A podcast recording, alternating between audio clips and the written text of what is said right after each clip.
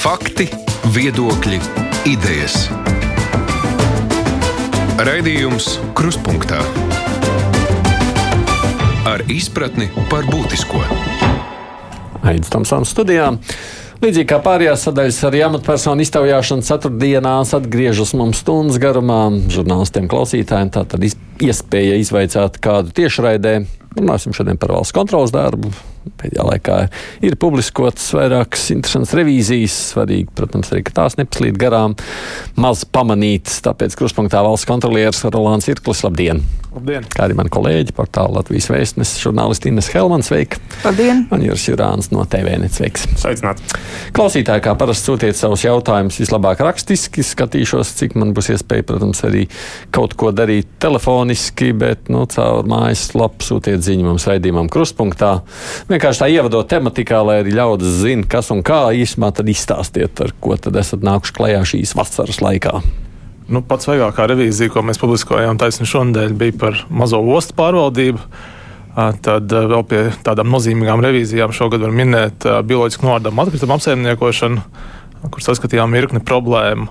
Tāpat būtiski droši vien pieminēt ir salīdzinoši nesen publiskoto ziņojumu par Covid-19 atbalstu uzņēmējiem.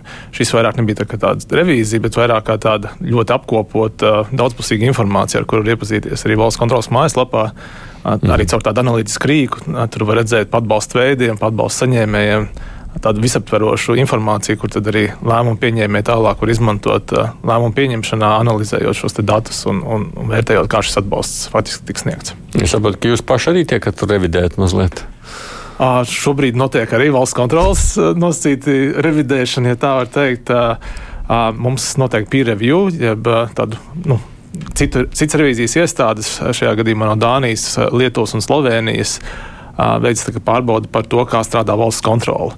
Mm. Šī ir mūsu paša iniciatīva. Šādu pārbaudi pasūtīt iepriekšējā tāda bija veikta 2015. gadā, un man stājoties amatā, šis bija arī viens no maniem solījumiem, kad es palūkšu citām revīzijas iestādēm novērtēt valsts kontrolas darbu. Un šis pieredzi šogad atšķirās nedaudz ar to, ka ja iepriekšējais bija tāds ļoti vispārīgs par strateģiskiem jautājumiem tad šis ir jau tāds fokusētāks, vairāk vērsts uz tiešām revīziju darbu, kā mēs veicam, un tieši uz lietderības un atbilstības revīzijām, kas mums arī ir liela prioritāte esošās stratēģijas perioda ietvarā. Mēs salāgojam šo pārbaudi ar, ar tādiem mūsu strateģiskiem izaicinājumiem, lai labāk saprastu, kāda ir esošā situācija un, un kādas jaunas mērķis izvirzīt. Mm. Okay, kolēģi. Bet kad šī jūsu valsts, valsts kontrolas darba vērtēšana beigsies, sākās 7. jūnijā? Sākās 7. jūnijā, jā, šobrīd tātad kolēģi no Lietuvas Dānijas un Slovenijas strādā pie šī. Un, uh, ir sagaidāms, ka rezultāti tiks publiskoti decembrī. Mm. Ko jūs gaidāt, kas tur sanāks ārā? Nu, to redzēsim. Šobrīd tiešām ir aktīvs darba process. Uh, pirmā prezentācija, ko mēs gaidām no, no šiem pārvaldītājiem, ir oktobra beigas, kad viņi prezentēs pirmos secinājumus. Nu, šobrīd ir pārāk droši vien no mūsu puses kaut ko sagaidīt, bet mēs ceram uz labiem ieteikumiem, ko mēs varam pilnveidot mūsu procesos un to, kā mēs veicam mm -hmm. revīziju šobrīd. Mm.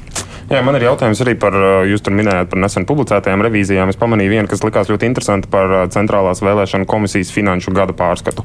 Un, un tur bija secināts, tas ir, un to es citēju no jūsu pašu mājaslapas, ka gluži kā iepriekšējās revīzijās konstatēts, ka daudzu problēmu cēlons visticamāk ir kapacitātes trūkums.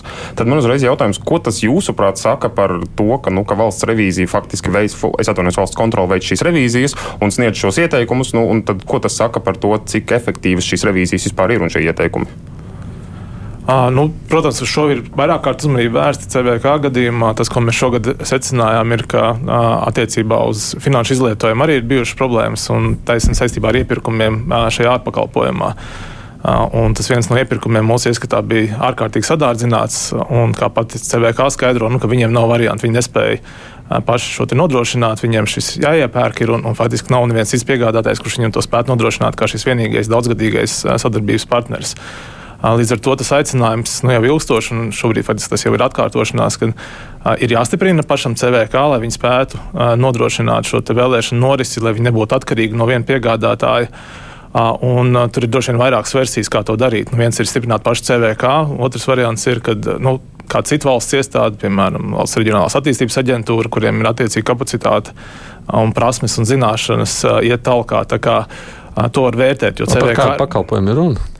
Šajā gadījumā bija jānodrošina šīs pašvaldību vēlēšanas Covid apstākļos, un tad attiecīgi bija jānodrošina komunikācija ar vēlēšanu komisijām.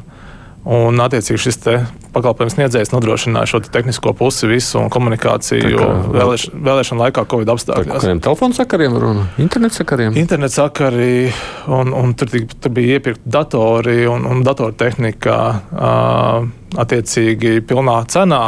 Faktiski šī datortehnika tika izmantota trīs mēnešus un palika piegādātāja rīcībā. Respektīvi, par trīs mēnešu dator, jaunas datortehnikas lietošanu tika samaksāta pilna datortehnikas cena. Tas ir galvenais valsts kontrols pārmetums šajā reizē. Es domāju, ka šajā jomā ir diezgan liela konkurence. Tur taču var atrast lētākus un izdevīgākus variantus, vai ne tā? Es saprotu, ka šis pakalpojums bija saistīts ar tiem citiem pakalpojumiem, ko sniedz ārpakalpojumu sniedzējs. Tad nu, tie skaidrojumi bija, ka citu pakalpojumu sniedzēju viņš šajā gadījumā izvēlēties nevarēja. Nu, tas, ko mēs skatāmies, iespējams, bija cits alternatīvs, kā minimums. Nu, šo datortehniku pats CVK var iegādāties, saglabāt savā īpašumā vai realizēt tālāk. Varbūt atrast vēl citus veidus. Nu, tas ir droši vien viņu ziņā, kā to labāk būtu darīt. Bet tas, ko mēs kā valsts kontrole norādījām, ka nav normāli par trīs mēnešu datortehnikas lietošanu samaksāt pilnu šīs dator, datortehnikas vērtību. Nē, nopirkt un būt labi. Jā. Bet kā, bet kā jūs skatāties, nu, cik kūtri vai aktīvi vispār tiek ievērotas šīs valsts kontrolas rekomendācijas un ieviestas reāli praksē? Kopumā labi tiek ieviestas praksē. Mēs tieši šodien esam atjaunojuši mūsu datubāzi par ieteikumu ieviešanu. Ar to var iepazīties valsts kontrolas mājaslapā. Un vēsturiskais rādītājs ir bijis, ka vairāk kā 90%, aptuveni 92% no visiem ieteikumiem, ko mēs sniedzam, tiek arī ieviesti. Uh, un šobrīd tas, kas ir parādījies, droši vien, ka mums palielināsies nedaudz kavēto ieteikumu īpatsvars, bet tas ir arī saistīts ar stratēģijas maiņu. Proti, ja vēsturiski bija svarīgs šis kopējais procents, cik ir ieviests, tad mūsu jaunā stratēģija faktiski paredz, ka sākotnējā termiņā ieviest ieteikumu īpatsvars. Un, un vienlaikus mēs rūpīgāk skatāmies uz to, vai un kādos gadījumos pagarināt ieteikumu ieviešanas termiņu. Proti, daudz rūpīgāk vērtējumi ir bijuši objektīvi iemesli, kāpēc ir, tas ir termiņš nav sākotnējā termiņā ieviests, ieteikums ieviests sākotnējā termiņā. Un, attiecīgi, nu, tas var sekmēt to, ka mums pieaug kavēti ieteikumi, bet, manuprāt, šis ir labs motivators nenokļūt kavētāju rindās, censties ieviest jau sākotnējā termiņā un tādā veidā sabiedrībai, iedzīvotājiem pozitīvo rezultātu dot ātrāk. Ja paskatās uz to ieteikumu ieviešanas sadaļu, tad man, ja es nemaldos, bija pārpa 600 dažādi ieteikumi. Piemēram, paši pirmie, kas izkrīt, nu, kas nav ieviesti, ir 13. gada valsts budžets, 15. gada valsts budžets. Nu, tā kā jau desmit gadus atpakaļ not, notikuši fakti. Jā, mums ir ieteikumi, kas ar garu bārdu ir vecākais ieteikums, ja nemaldos, ir no 2005. vai 2006. gada saimnieciskā gada pārskata revīzijā, kurš mums atkārtojas no gada uz gadu, un, un tas ir saistīts ar uzkrāšanas principu ieviešanu nodokļu ieņēmumu administrēšanā valsts ieņēmuma dienestā. Tur gan ir zināms progress, bet nu, līdz galam šī sistēma joprojām pilnvērtīgi nedarbojās, un par to būs vairāk droši vien oktobra mēnesī, kad mēs nāksim ar kārtējo saimnieciskā gada pārskatu ziņojumu. Bet jā, ir ieteikumi, kuri, kuri tiek kavēti, ilgstoši kavēti, un dažkārt arī zaudē aktualitāti nu, situācija ir mainījusies tik tālu, ka šī ieteikuma ieviešanai vairs nav nozīmes. Kā piemēram, man minēja attiecībā uz e-veselību, nu, šobrīd tiks strādāts pie jauniem, jaunas sistēmas. Nu, kaut kādas mācības no iepriekšējās revīzijas var gūt, bet, bet daži no ieteikumiem attiecinām ir tieši uz konkrēto sistēmu. Līdz ar to nu, viņi principā sāk zaudēt aktualitāti pie apstākļu izmaiņām. Nu, tas tāds labs gribas jautājums. Nu, gribam, ņemam vērā, negribam, nu, tad nu, kā sanāk? Nu, no vienas puses, labas gribas jautājums, no otras puses, nu, mēs cenšamies komunicēt par šiem jautājumiem, atgādināt ministrijām, iesaistām parlamentu, publisko izdevumu revīzijas komisiju. Pagājušajā gadā mēs tieši aktivizējām šo komunikāciju par ieteikumiem, tā skaitā arī iesaistījām saimnu pēc iespējas daudz. Tad, nu, likumdevējs, ministri, politiskās personas, protams, ir tās, kurām ir jāizmanto šī informācija un jācenšas panākt to, ka valsts kontrolas ieteikumi tiek ieviesti un tiek ieviesti arī paredzētajos termiņos. Bet par šiem pašiem, par šiem pašiem ieteikumiem runājot, pirms pāris gadiem bija tāds nu, būtisks solis, lēciens uz priekšu valsts kontrolas tādā, nu, um, es nezinu, varbūt kā institucionālas kapacitātes stiprināšanā, ka beidzot tika pieņemti šie likuma grozījumi, kas nu, faktiski atļauj valsts kontrolai uh, piedzīt no amatpersonas radītos zaudējumus, kas konstatēti revīzijā. Tad nu, man uzreiz arī jautājums, kā ar šo ir veicies. Ja es pareizi atceros, tad 19. gadā beidzot, beidzot pieņemt šie likuma grozījumi, tad nu, līdz šim kā ir veicies ar šo? Jā, nu šī jau ir cita sadaļa. Tātad ir ieteikumi un ir likuma pārkāpumi. Tur, kur ir likuma pārkāpumi, tur nav vairs nekas rekomendējošs, tur jau iestājās konkrētas sekas. Tās var būt gan administratīvas sekas, kā administratīva atbildība, gan krimināla atbildība.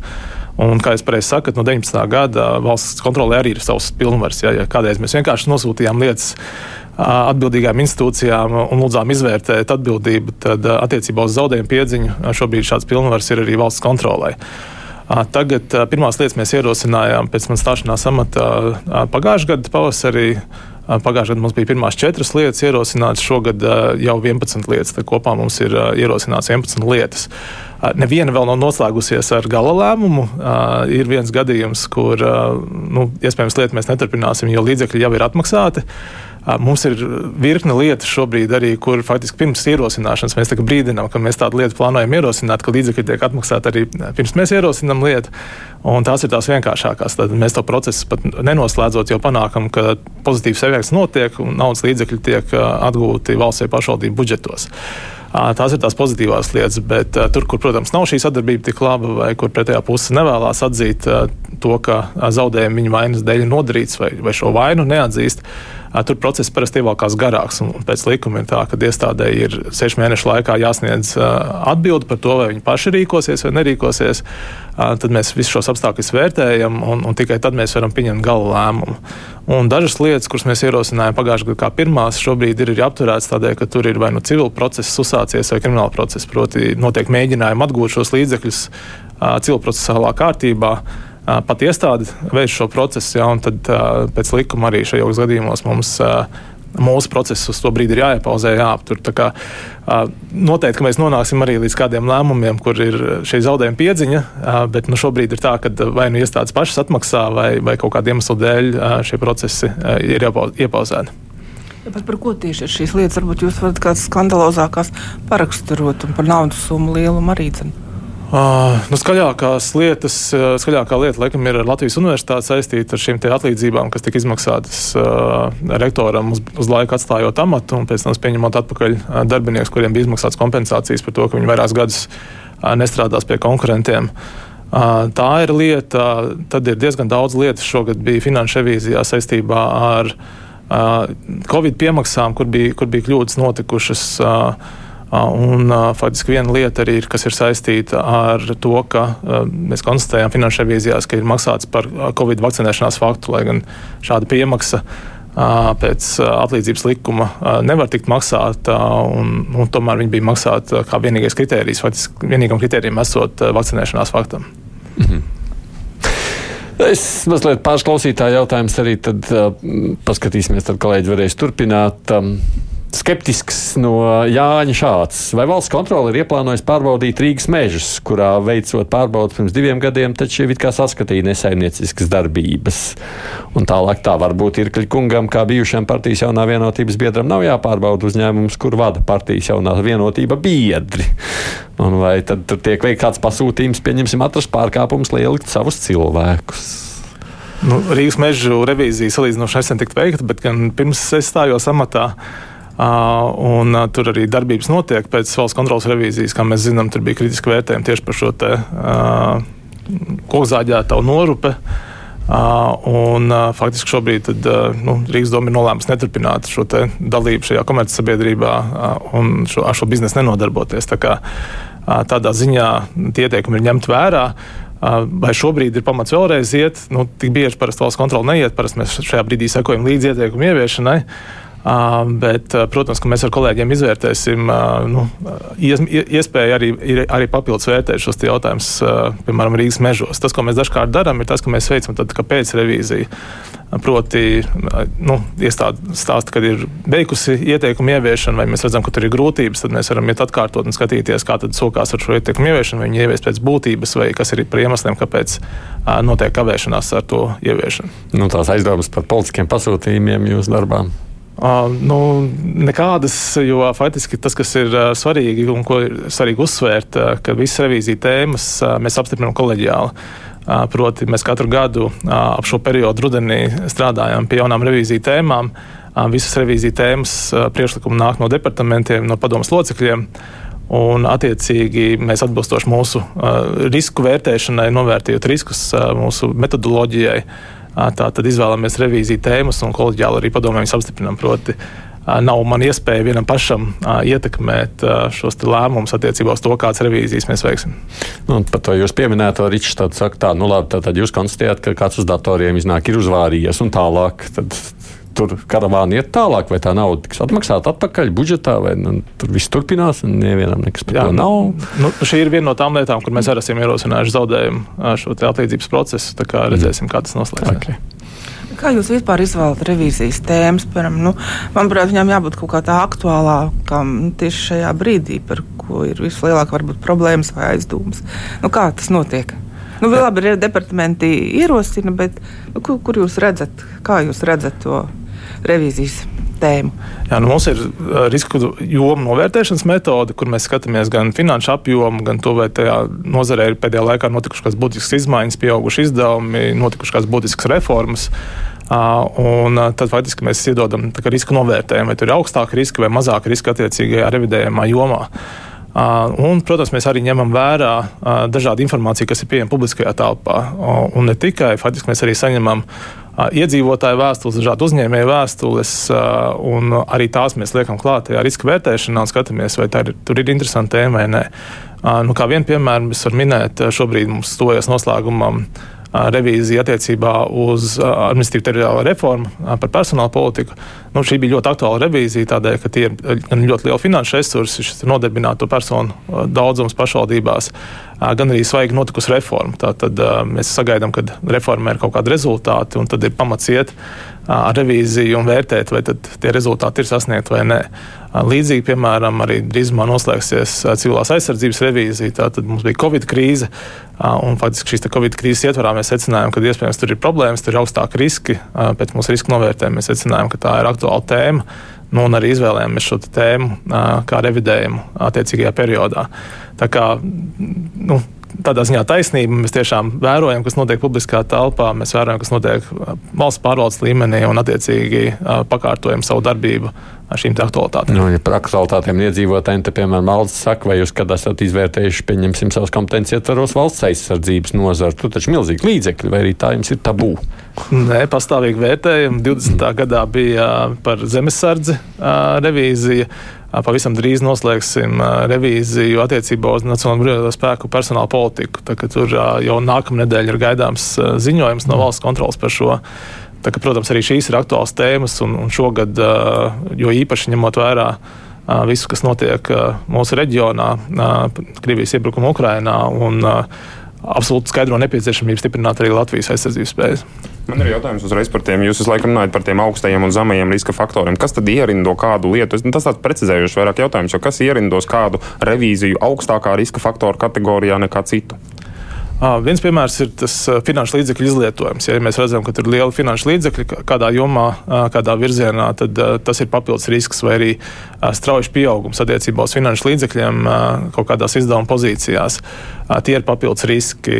Kā papildus riski ir arī tiešām šīs te, svaigi notikušās reformas. Tātad, Uh, nu, teiksim, administratīva teritoriāla reforma ir, ir ļoti labs piemērs. Tātad, uh, tas liek papildus pievērst uzmanību, kā šī reforma tiek veikta. Uh, Tā kā, nu, mēs skatāmies pēc daudziem dažādiem faktoriem par to, vai ir plānošanas dokumenti, vai rezultatīvie rādītāji tiek pildīti vai netiek pildīti atbilstoši šiem plānošanas dokumentiem un tā tālāk. Tā tur ir tāds garš kritēriju kopums, kuriem iet cauri revidenti, vērtē šos riskus un tad nu, nonāk līdz slēdzienam par to, vai attiecīgā joma ir ar augstāku risku, vidēju risku vai zemāku risku.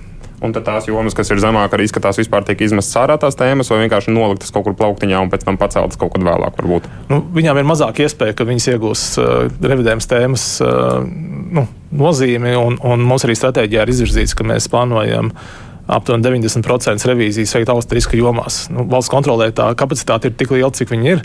Mēs vairāk cilvēku skaitu neplānojam palielināt, līdz ar to nu, mēs fokusējamies uz tām revīzijām, tām tēmām, kur ir augstāki riski. Un, un, protams, ka tur ir mazāk riski, visdrīzāk, ka mēs revīziju varētu arī neveikt. Tas, kas gan ir mūsu stratēģijas periodā iecerē uz nākotni, ir, ka mēs plānojam paralēli tādām lielām un ļoti sistēmiskām revīzijām veikt arī tādas fokusētākas revīzijas kaut kādās fokusētākos jautājumos. Tādā veidā nonākt ātrāk pie rezultāta kādā aktuālā tēmā. Tātad mums dažkārt revīzijas ir ļoti garas, piemēram, gadu. Tādā fokusētā revīzijā mēs dažu mēnešu laikā varētu nonākt līdz rezultātam. Šī arī būtu laba platforma jaunākiem valsts revidentiem, kas nesenāk ir sākuši strādāt, ātrāk teikt, apgūt prasmes revidenta un, un ātrāk nonākt līdz rezultātam. Valsts kontrolē, nu, vismaz pēc manas saprašanas, strādā tad revidenti, nu, finansisti vai juristi. Bet jūs, jums ir tādas tēmas, nu, kā piemēram tā reģionālā reforma, kā valsts aizsardzības politika, kā, kā bioatkritumi, ja, iekārtas tā, arī mediji. Arī mediji, jā. Katrā vietā tad vajadzīgi tomēr ne tikai tas revidents un finansists, bet arī tāds speciālists un būvnieks. Nu, piemēram, jums bija par pašvaldību mājām, kas pārvēršas par graustiem. Jūs tur bijāt uzaicinājuši vienu no Rīgas Tehniskās universitātes profesoru, kas praktiski veids veica to, to māju izpēti. Un, cikot, jūs, kā jūs veicat tās revīzijas, jūs pieaicināt tos uh, attiecīgās jomas ekspertus, viņi sadarbojas ar valsts kontrolas revidentiem? Nu, kā tas notiek? Nu, ir divējādi. Ir tā, ka ir uh, specializācija arī valsts kontrolē, un mums par revīzijas departamentiem ir sadalīts atbildības. Tātad resori sadalīti. Piemēram, pirmais revīzijas departaments strādā ar izglītības zinātnes ministriju, ekonomikas ministriju, satiksmes ministriju otrais ar aizsardzību, ar iekšlietām, tieslietām. Katram departamentam ir sava atbildības joma, un, un šie revidenti ar laiku, protams, kļūst arī zināmā mērā par šīs jomas ekspertiem. Tā ir viena lieta, bet, protams, kad ir arī ārkārtīgi specifiski jautājumi, kā jūs pieminējāt, attiecībā uz būvniecību. Nu, valsts kontrols revidenti nevar būt būvniecības eksperti tādā padziļinātā pakāpē. Līdz ar to Mēs, protams, mēdzam arī revīzijās piesaistīt ekspertus, un šie eksperti ir tie, kas mums palīdz nu, izanalizēt vai atklāt tādas tiešām jau ļoti tehniskas, ļoti specifiskas jautājumus revīzijas gaitā. Ir gan, gan mēs cenšamies, lai mūsu darbinieki, kuri biežāk strādā šiem jautājumiem, būtu augstu kvalificēti eksperti un, un vienlaikus tur, kur tiešām vajag papildus, mēs piesaistām arī ārpakalpojumu. Jums bija tāds ļoti interesants pētījums. Mājā, man liekas, Saimnes komisijā par tiem bionoārdāmiem atkritumiem, ka tās jaudas ir divas, divas pusreizes lielākas nekā, nekā mēs tos atkritumus, bioatkritumus saražojam. Un tad es tā brīnījos, ka valsts kontrole tā stāv pretī vidas aizsardzības reģionālās attīstības ministrijai, kur arī ir lieli speciālisti savā jomā, uh, stāv pretī tādā ziņā, ka viņi saka tā, ka nav um, ticamu datu, ka, cik mēs par tos bioatkritumus saražojam. Ja, un tad uh, varam tā kā argumentēt, jā, mums bija tur ārpakalpojumā pētījums, viņi deva tādus datus, tur laikam 200 tūkstoši gadā, ja, ka tas nav īsti. Var sakot, nu, ka sanāk konfrontācija ar atbilstoši attiecīgajām ministrijām, nu, kurās ir gan vērā ņemami eksperti. Nu, jābūt Jā. ļoti, ļoti pārliecinātiem un, un par savu tā revīzijas patiesumu. Tas man tā pārsteidz. Nu, šī bija tā revīzija, kur mums bija arī mums eksperts piesaistīts no malas. Tas nebija tas, ka tikai pašu spēkiem mums arī bija eksperts piesaistīts, ja nemaldos no Latvijas universitātes šajā gadījumā. Un, un mēs veicām šo novērtējumu, un, un mums sanāca atšķirīgs rezultāts uh, no vidus reģionālās attīstības uh, ministrijas.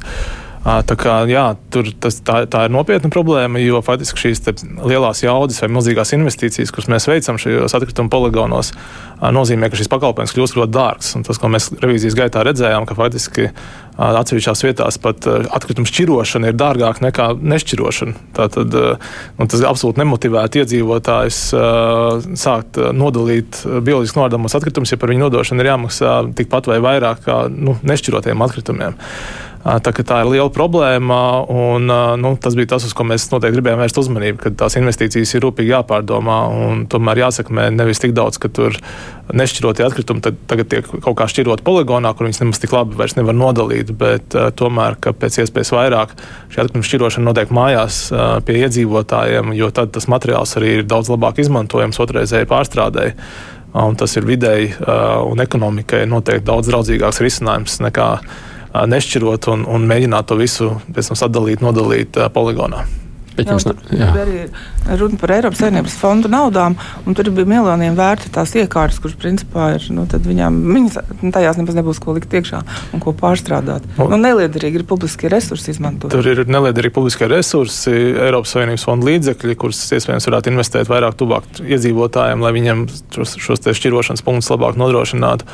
Tā kā, nu, tur ir, tur ir virkne, virkne problēmu, jā, un tie lielākie riski ar bioloģiski nodāmiem atkritumiem ir arī saistīti ar to, ka viens ir vidēji nodarītais iespējamais kaitējums, ka mēs nesasniedzam vidas mērķus, bet uh, otrs ir arī tas, ka uh, ja mēs šo sistēmu uh, neieviešam un nesasniedzam noteikts mērķus uh, līdz 23. gada beigām, tad tur var arī iestāties soda sankcijas no Eiropas Savienības puses. Nu, minimālais ir apmēram 300 tūkstoši eiro, bet, bet līdz pat uh, 11 miljoniem eiro līdz brīdim, kamēr šis pārkāpums tiek novērsts. Esat ekspertiem, kādas jomas nozarē jūs arī esat secinājuši reizēm, ka tomēr esat kļūdījušies, vai jums ir vienmēr taisnība? Nu, mēs parasti skaņojam šos visus ziņojumus, un, un dažreiz ir pārsteigums, ka, tad, kad ir saskaņots ziņojums, tad pēc tam publiskā komunikācijā vēl, vēl ir atšķirīgi viedokļi. Tas par ir cits tāds, bet, bet skaņojot, jūs secināt, ka esat kļūdījušies. Skaņojot, mēs esam korģējuši savus lēmumus arī. Un, un, un katrā ziņā mūsu revīzijas lēmumus un revīzijas ziņojums ir iespējams arī apstrīdēt valsts kontrolē. Nu, Pagaidām, kopš es esmu amatā, ir, bijis viens gadījums, kad ir apstrīdēts lēmums, un toreiz mēs nedaudz korģējām atsevišķu formulējumu revīzijas ziņojumā. Bet citādi, nu, ja ir saskaņots un ja nav apstrīdēts, nu, tad mēs uzskatām, ka revidējumā vienība ir piekritusi tiem mūsu secinājumiem. Kurš gadījums tas bija? Tas viens apstrīdētais. Tas bija saistīts šis nesenais ar Centrālo vēlēšanu komisiju, tāpēc arī šis ziņojums bija vēlāk, jo parasti mēs finanšu revīzijas publiskojam maija vidū, un Centrāla vēlēšanas komisijas ziņojumu mēs nevarējām maija vidū publiskot kopā ar pārējiem, jo viņš bija apstrīdēts un attiecīgi um, lēmums tika pieņemts, ja nemaldos, uh, gala lēmums kaut kādā jūnija beigās.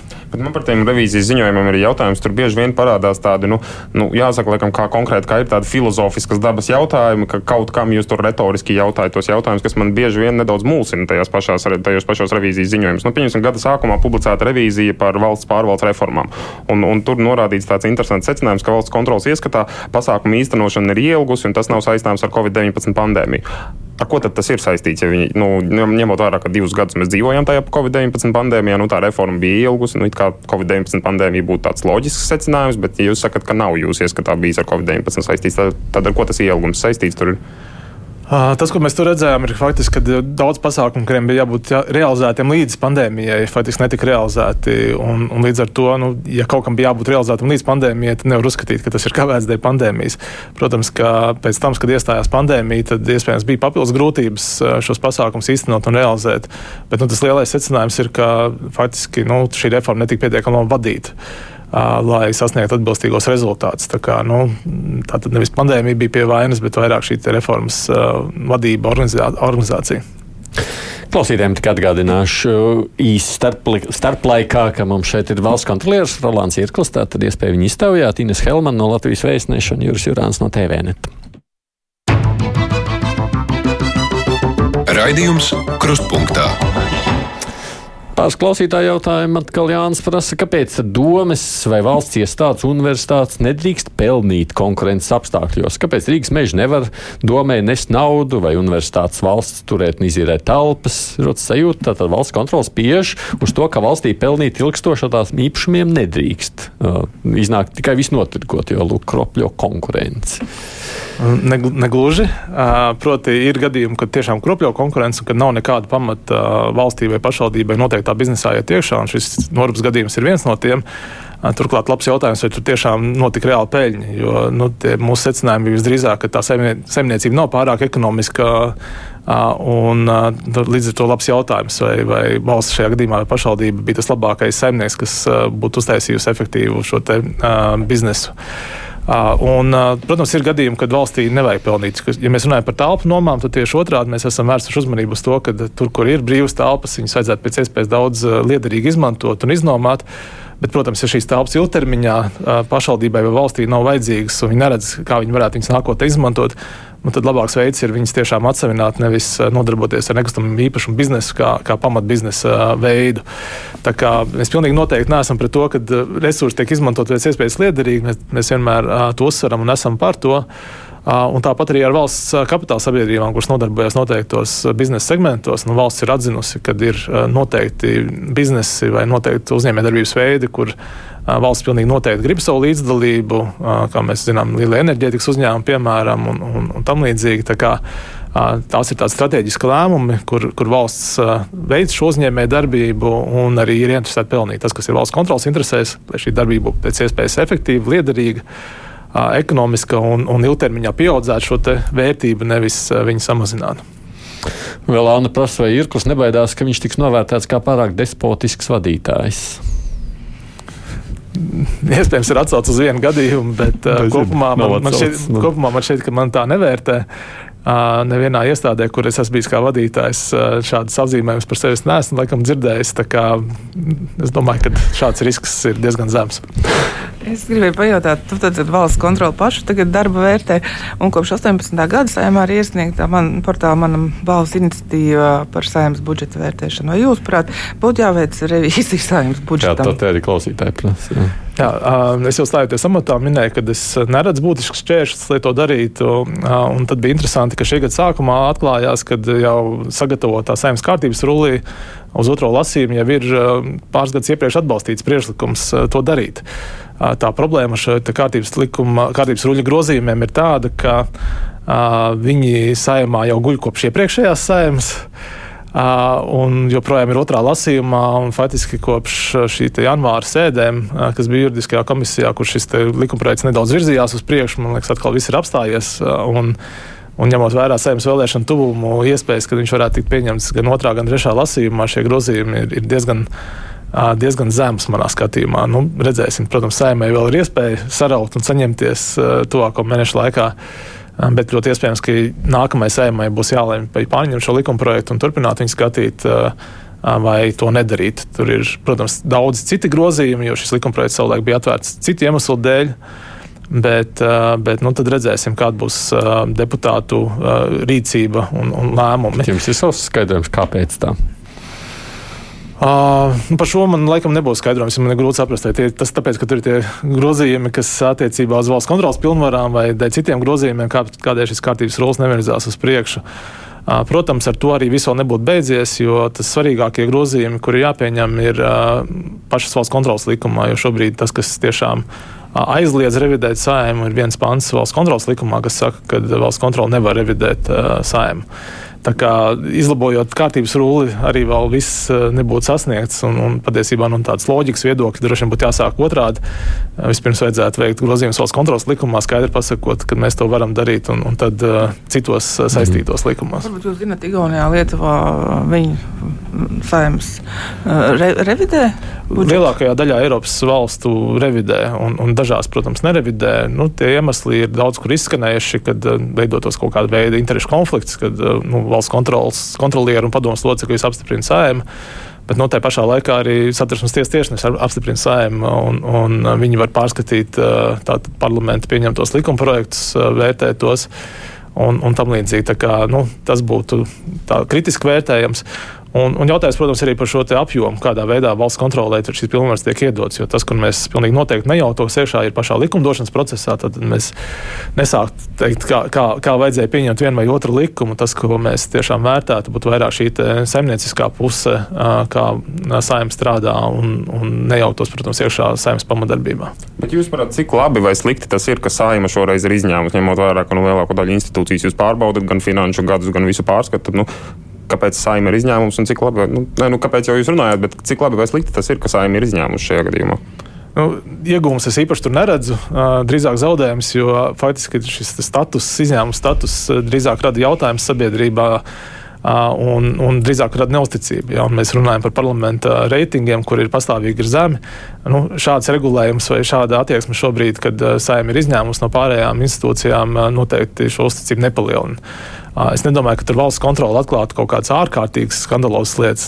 To es, protams, nevaru apgalvot. Bet, bet arī šie budžeta apmēri saimē uz kopējā valsts budžeta fona arī nav pārāk milzīgs un pārāk liels. Bet, manuprāt, tas, ka valsts kontrole tur iet un, un pārbaudīt šīs te, šo te darbību no finanšu un ekonomiskā viedokļa, noteikti varētu sekmēt uzticību saimai nekā to graut. Dažādībai pacelšu arī klausuli. Halo!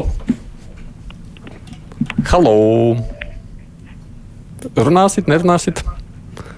Es runāšu. Nu, jautājiet. Tā valsts kontrole 2018. gadā eh, publiskoja reviziju ziņojumu, vai valstī izdarot efektīvu uzraudzību pār zemes kadastrālās uzmērīšanas pakalpojums.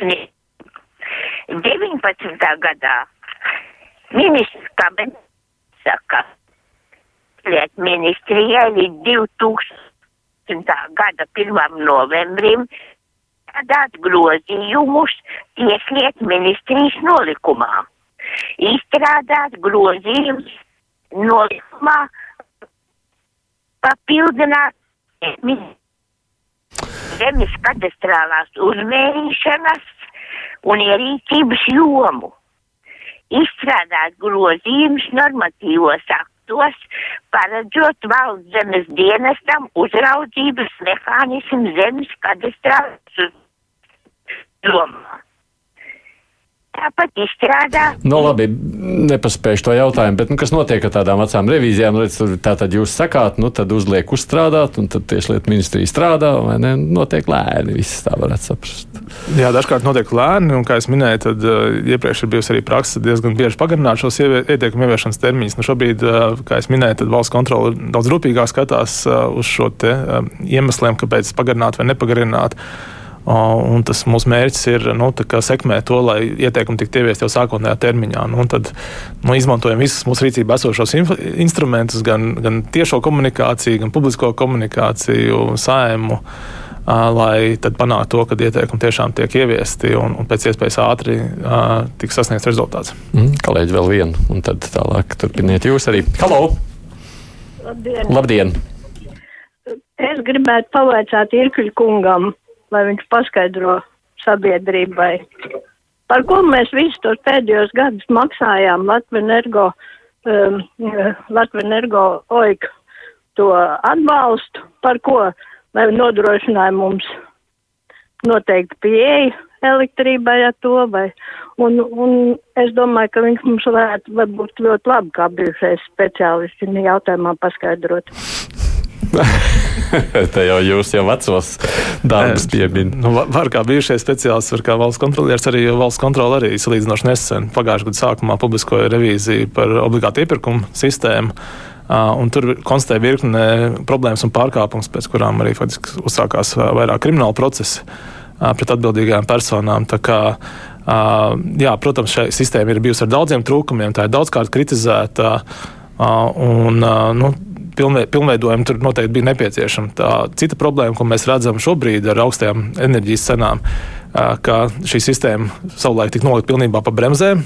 Nu, tā tad pie, pieļautās kļūdas tika risināts tādā veidā, ka jaunas jaudas vairs netika atbalstītas, tāpēc ka vecās bija sadotas tik daudz atļaujas un, un tik dārgas. Uh, un rezultātā šodien mums ir problēma ar to, ka mums ir maz vēja enerģijas, tagad no saules enerģija privāt, privātos objektos uh, pieaug. Uh, bet nu, šobrīd tādas papildus atjaunojamās enerģijas jaudas mūsu valstī, mūsu reģionā pilnīgi noteikti būtu noderējušas, lai mazinātu to dārgo elektroenerģijas cēnu, ar kur mēs šovasar saskaramies. Arī šīs ir OIK sekas. Jā, Arī šīs ir jāapzinās, arī kā sakas, protams, jo, jo nu, pirmajos gados sadodot milzīgu daudzumu šo atļauju par ļoti dāsnu atbalstu, kas radīja situāciju, ka tas bija milzīgs sloks uz patērētāju maciņiem.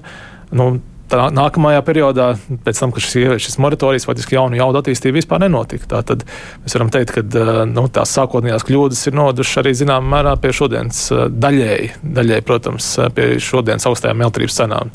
Nevarētu teikt, ka viņas būtu nu, ārkārtīgi būtiski zemāks. Mēs redzam, visā Eiropā ir dārga elektrība, bet, bet nu, kaut kādā ziņā tas atbalsts būtu bijis, un varbūt mums tie 4000 eiro tajā stundā Mhm. vienā trakajā nebūtu bijis jāpiedzīvo. Liekas, ka mums valstī ir grūti domāt ilgtermiņā, nu, pieņemot lēmumus. Bet tas tā, jūs esat teikuši, um, valsts kontrolas tajā mājaslapā bija, kad 1,82 miljārdi naudas būs no Eiropas atvesļošanās fonda līdzekļiem, un kad vairāk tie ir politiski lēmumi, politiskas investīcijas nekā sociāli ekonomiski.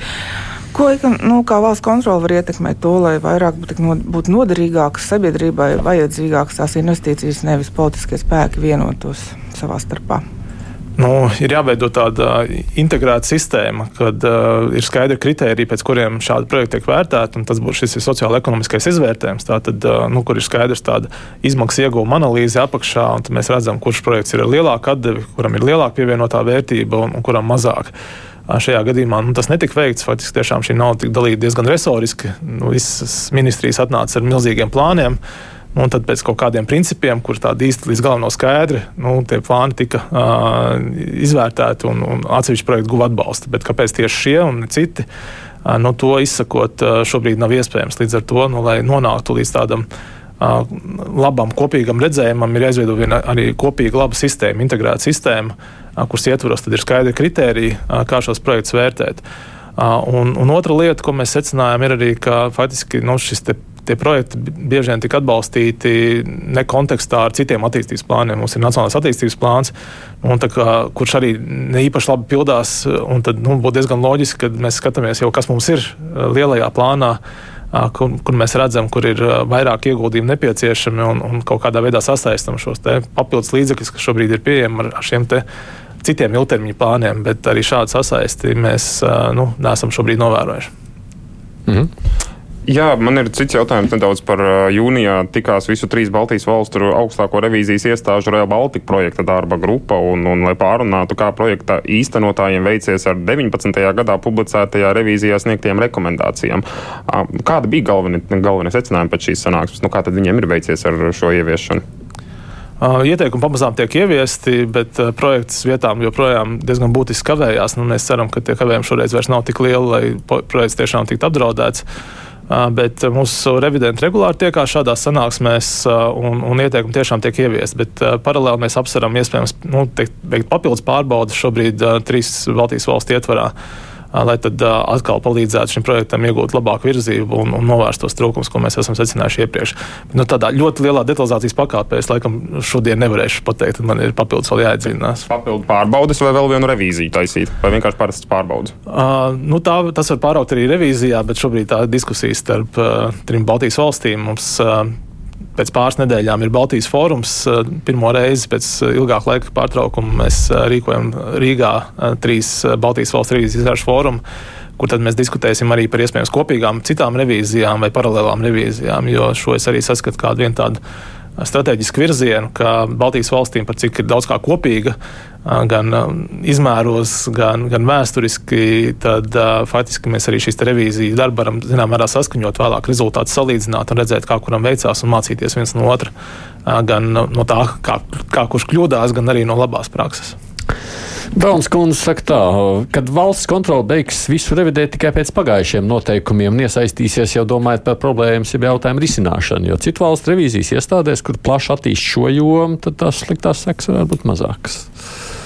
Nu, es teiktu, ka mēs iesaistāmies diezgan proaktīvi. Šis pats uh, atvesļošanas fonda mehānisms, tātad mēs negaidām, kad uh, šie līdzekļi jau būs iztērēti un, un, un kad jau, jau viss būs par vēlu nokavēts, uh, iesaistāmies diezgan proaktīvi. Tāpat arī šī personāla revīzija pašvaldībās. Faktiski nu, šobrīd pašvaldības vēl, vēl pilnveido savu darbu, ne, bet mēs jau skatāmies, kā var šo jomu uzlabot. Kā, Uh, cenšamies būt proaktīvi, saulēcīgi, lai varbūt labotu kaut kādas kļūdas, pirms tās ir notikušas. Tāpat arī ar šī bioloģiskā noraduma atkrituma revīziju. Tātad mēs negaidām 23. gadu, kad visam ir jābūt ieviestam. Mēs skatāmies ieviešanas gaitā, tātad kāds ir progress un vai šis te, pasākums ir uz pareizajām slēdēm. Pirms kolēģis jau minēja, ka jūs nu, iepriekšējā valsts kontrolas vadītāja ļoti ilgi cīnījās par to, lai varētu saukt amatpersonas par līdzekļu izšķērdēšanu, um, var sakot, pie atbildības. Varbūt jums, nu, piram, kaut kā, lai cīnītos ar ar, ar to, ka nu, pašreizējām problēmām varbūt valsts kontrolē vajadzētu vēl kaut kādas pilnvaras, jūsuprāt, lai nu, kaut kāds darbs būtu produktīvāks, lai nebūtu tikai tā, kā jūs nu, aizrādat, norādat, bet nu, lai, nu, lai nu, tiešām, nu, nu, tā kā tajā Gogoļa revīz, revīdentā, ka tiešām tas revidents nāk un viss tā stāv mirstājā. Nu, tā, lai tie vairāk ieklausītos. Jā, nu, attiecībā uz ieteikumiem, nu, šis ir veids, kā strādā augstākās revīzijas iestādes visā pasaulē. Protams, atsevišķās revīzijas iestādēs ir arī šīs sodīšanas funkcijas vēl izvērstās, kā tas ir mums, bet faktiski nu, priekš tā mums ir arī citas tiesība aizsardzības iestādes, proti, kas piemēro administratīvus sodus, kas piemēro kriminālu sodus. Tā kā, nu, mēs ar viņām aktīvi sadarbojamies, lai varētu piemērot citu veidu sodus. Bet, kas attiecās uz tādām sistēmiskām revīzijām, kur mēs konstatējam sistēmiskas problēmas, nu, tur ir svarīgi, tomēr, ka kāds rīkojās pēc tam. Valsts kontrole šo darbu nevar izdarīt eh, šo iestāžu vietā. Līdz ar to Protams, var domāt, kādi ir instrumenti, lai tālāk šīs iestādes būtu motivētas šos ieteikumus tiešām ieviest. Bet nu, tur jau iestāžu vadībai vai arī parlamentārā līmenī ir jādomā par tādiem motivējošiem mehānismiem. Valsts kontrole pati to radīt nevar. Un jāatzīst, ka valsts kontrole katrā ziņā ir viena no tām augstākās revīzijas iestādēm, kur pat izteikti vairāk sako līdz ieteikumu ieviešanai. Ir, ir citas revīzijas iestādes, tā skaitā Moldovas Lietuvā, kur nu, faktiski ir ieteikums, rekomendācija, bet tāds ļoti nu, skrupulozs sekošana līdz šiem procesiem par to, vai šie ieteikumi tiek ieviesti vai nē. Vispār tādā līmenī, kā tas notiek Latvijā, tur nenotiek. Līdz ar to es teiktu, ka nu, uz tā kopējā fona mēs jau šobrīd darām diezgan daudz un, un vairāk nekā, nekā citas uh, revīzijas iestādes citur pasaulē. Arnolds prasa, vai valsts kontrole skatīs valsts kapitāla sabiedrības valsts mežu pārvaldes izvēli, jo taču acīm redzam lielu kaitējumu valstī nodarījuši elementi ir uzskatīti par labākajiem kandidātiem mežos. Jā, šis ir būtisks jautājums. Mums regulāri ir kādas revīzijas kapitāla sabiedrībās. Svaigākā mums bija satiksmes ministrijas kapitāla sabiedrībās, kur mēs publiskojām aprīlī. Un, šis, šī ir tēma, kas ir mūsu redzeslokā.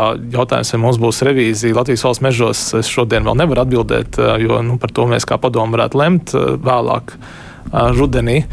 Bet, bet jā, nu, šo mēs esam piefiksējuši kā vienu no pārvaldības iespējamām problēmām. Mm. Man vēl gribās minēt, ja runājam par valsts iestādēm, tad, nu, kuras traucē sab, nu, ikdienas pilsonim, piemēram, man nu, dzīvi vai kaut kā apgrūtina pilsonības migrācijas lietu pārvalde, kura, kura nu, ir grūti tur vispār pieteikties, saņemt, apmainīt pasi vai kaut kas tamlīdzīgs. Šodien stājās likuma grozījumi spēkā, kad personu apliecības, kas nav, nav apmainītas un ir nederīgas, būs derīgas līdz 30. aprīlim. Nu, tur noteikti tā termiņā.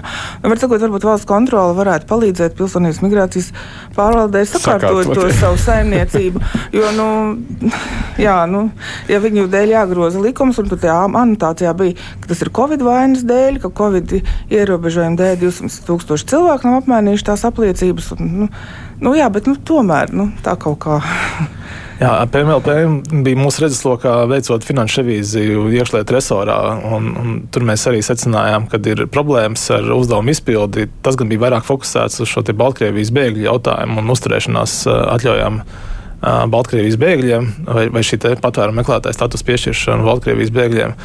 Un arī tur mēs konstatējām, ka PMLP ir tiešām grūtības nu, saulēcīgi realizēt šo funkciju. Tā kā tieši šo pasu vai personu apliecinošu dokumentu izsniegšanas jautājumu mēs neesam revidējuši, tam mēs droši vien arī iespējams varam pievērsties, bet uh, problēma šajā institūcijā pilnīgi noteikti eksistē. Un, nu, ministrijas vadībai noteikti ir jādomā, kā stiprināt PMLP spēju sniegt pakalpojumu.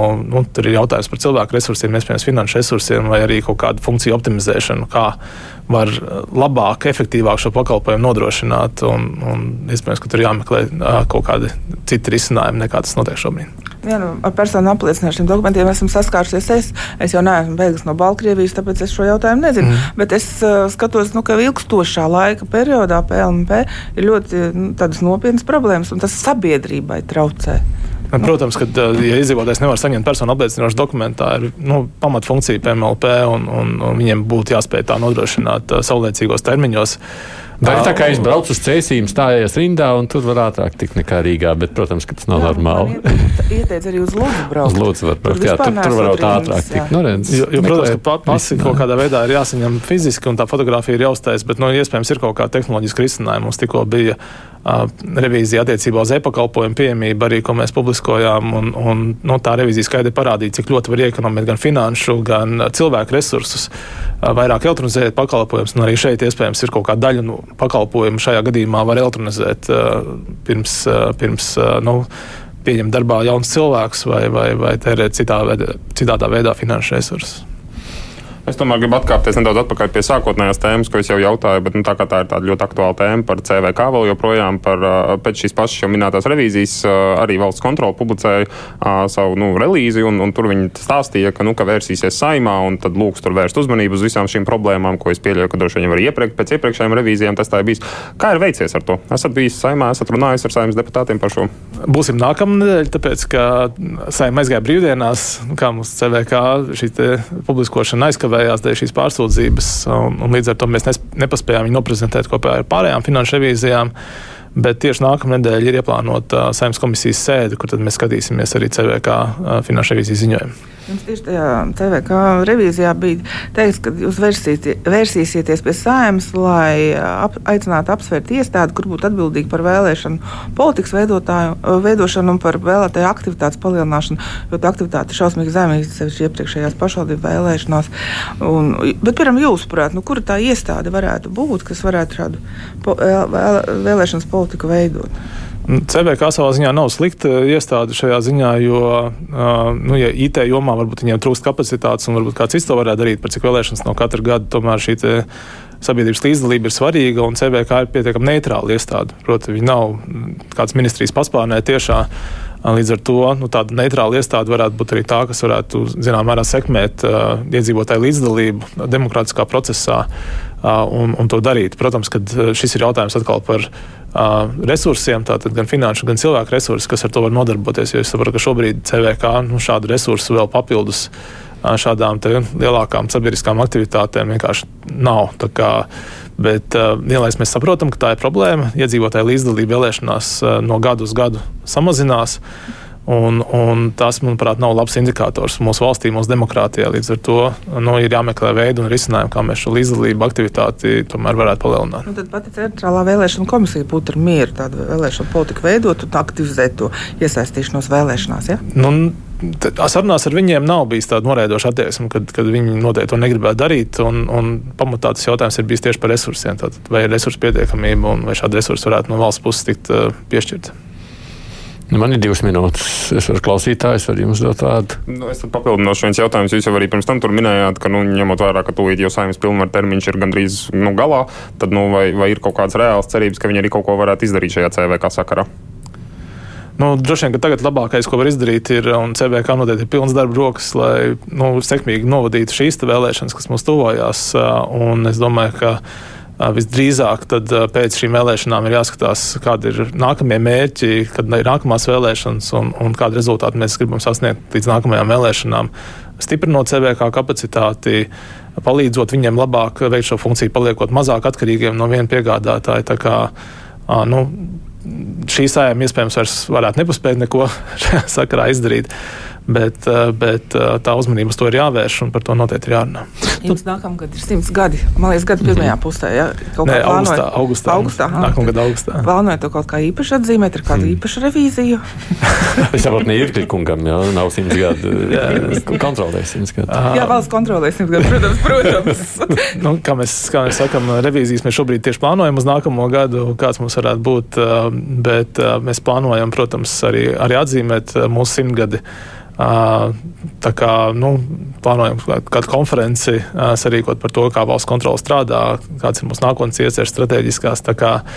Uh, nu, gaidām jā, šo simtgadi, jo tas ir ļoti nozīmīgi. Mēs redzam valsts kontroli kā vienu no tādiem konstitucionāliem uh, subjektiem, kas jau no paša sākuma bija ietverts satversmē un, un apzināmies šo konstitucionālo lomu, uh, stiprināt mūsu valsts pamatus saimnieciskumu, ekonomiskumu un, un arī zināmā mērā drošību. Jo faktiski, jebkura revīzija, ko mēs veicam, es domāju, ka ir arī virzienā, lai stiprinātu mūsu valsts kopējo drošību un labklājību. Te jau arī no dažiem klausītājiem ieteikt vēl kaut ko ņemt savā paspārnē. Šķietot, ka, ja jūs labi strādājat, jūs varētu arī dažiem citiem tur palīdzēt. Bet es nesaukšu to vēstuli visgaro, es nenolasīšu. Rolands Irklis ir valsts kontrolieris. Paldies, atnācāt šeit uz studiju mums. Paldies. Punktā. Kolēģi arī bija šeit, Juris Jurāns no portāla TVNet un no Latvijas vēstnešīnas Helman. Paldies jums arī, kolēģi. Producentu kurspunktā ir Revi Junām un studijā šo raidījumu vadīju es, Aidis Tomsons.